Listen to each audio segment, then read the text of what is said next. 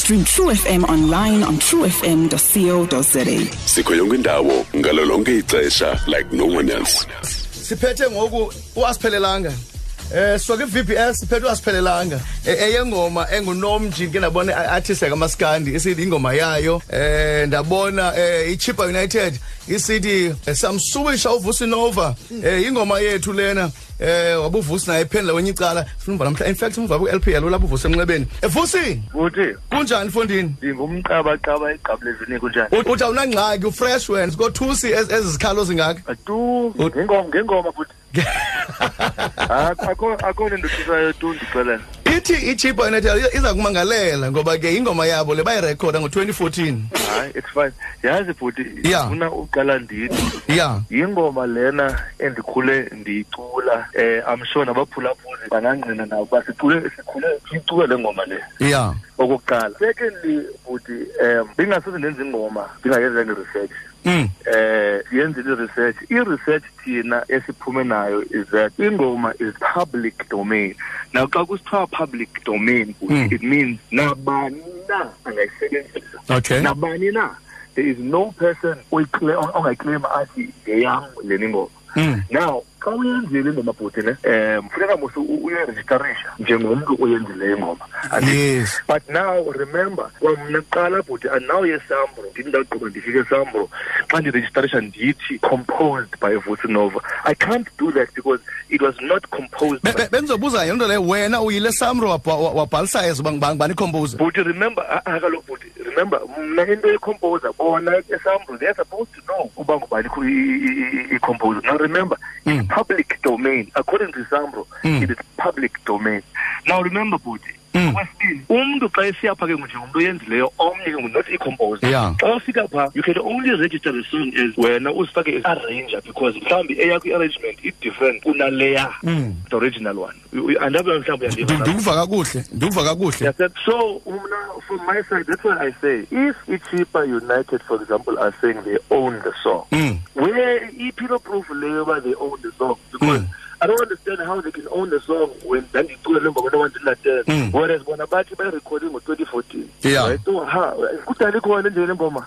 mamela ke uvusi masithi ke umhlambi e- e- ekuyenzeni kwabo lo mntu bebenzela eh le ngoma umhlambi arrangement yakhe uzawuthi look i-arrangement yenziwe ndim and ayenze ya- ya- ya- ya- yaluhlobo oluthile now ndiva ekavusi nayo isound exactly njengale arra- arrangement nam abana-case loo nto leyo okanye a- i- lo lo yenzileyo Hayi, but okokuqala futhi it can never sound the same tu ayifani tu okokuqala yabona if if they were claiming ke uba mhlawumbi yimakevusi iyafana yonke le- yimavusi ndifuna uyenze simple for ilayman efana nam nomphulaphuli um thina eh, aso musicians yohluke ngantoni ngoba nxa sivayo thina siva ingoma eyi-one efanayo kodwa ibe nembongi phakathi ule nto ujessica mbangene yakho yes mamela bhuti Mm. ingoma xa xa iyi-public domain ne Yeah. ndayiphinde le nto any single person can record that song yes that means it's not owned by a single or a single person or an individual ya Uya- uyandiva bhuti ndikuva kakuhle so mna my, my, my, my point is ikuloo ndawo uba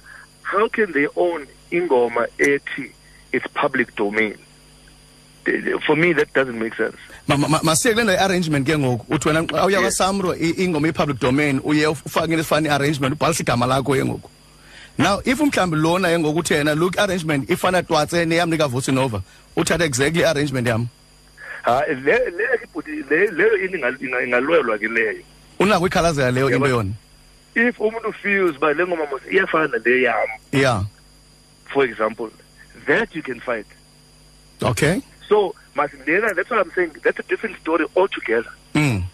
yabona but it's different from umntu athi ingoma yakhe it's public domain It's Okay. not, it does, it's not owned by anyone so ba ba- mhlawumbi kuvele into yobana ke ngoku i- ku- kuye kwindawo ye-arrangement uzojongana nalo case ya- yobana okay uvusa i-arrangement yakhe ifana twatsa nalena yam which is awuna case kunye nechipa united une case kunye nalo mntu uarrangileyo ingoma lena yechipa united injalo but okay okay uh, vusi imessage akithini kubalandeli bakho ngoba ke abanye abantu ba- "Ah, banexhala into yobana ha mani waye uvusi ezoleqwa ngengoma um it's a traditional song esiyazi eculwa kwasezilalini kwakudala kuthembe Yes. mleqa nje ngoku uthini umyalezo wakho eh bhuti you know ndifuna ukuqala ndithi eh le ngoma uyenza kwam bhuti ne Mm. um if, you- if you check i-album yam okokuqala it's the very last song kwi-album yam yeah eh um ibingayo number one hit two it was just ingoma bendiyenza for abantu that came before us the people that paved the way for us abantu abafana noLucky Dube oSbrenda abaninzi but Yeah. you know and I was I was sitting down and I was thinking but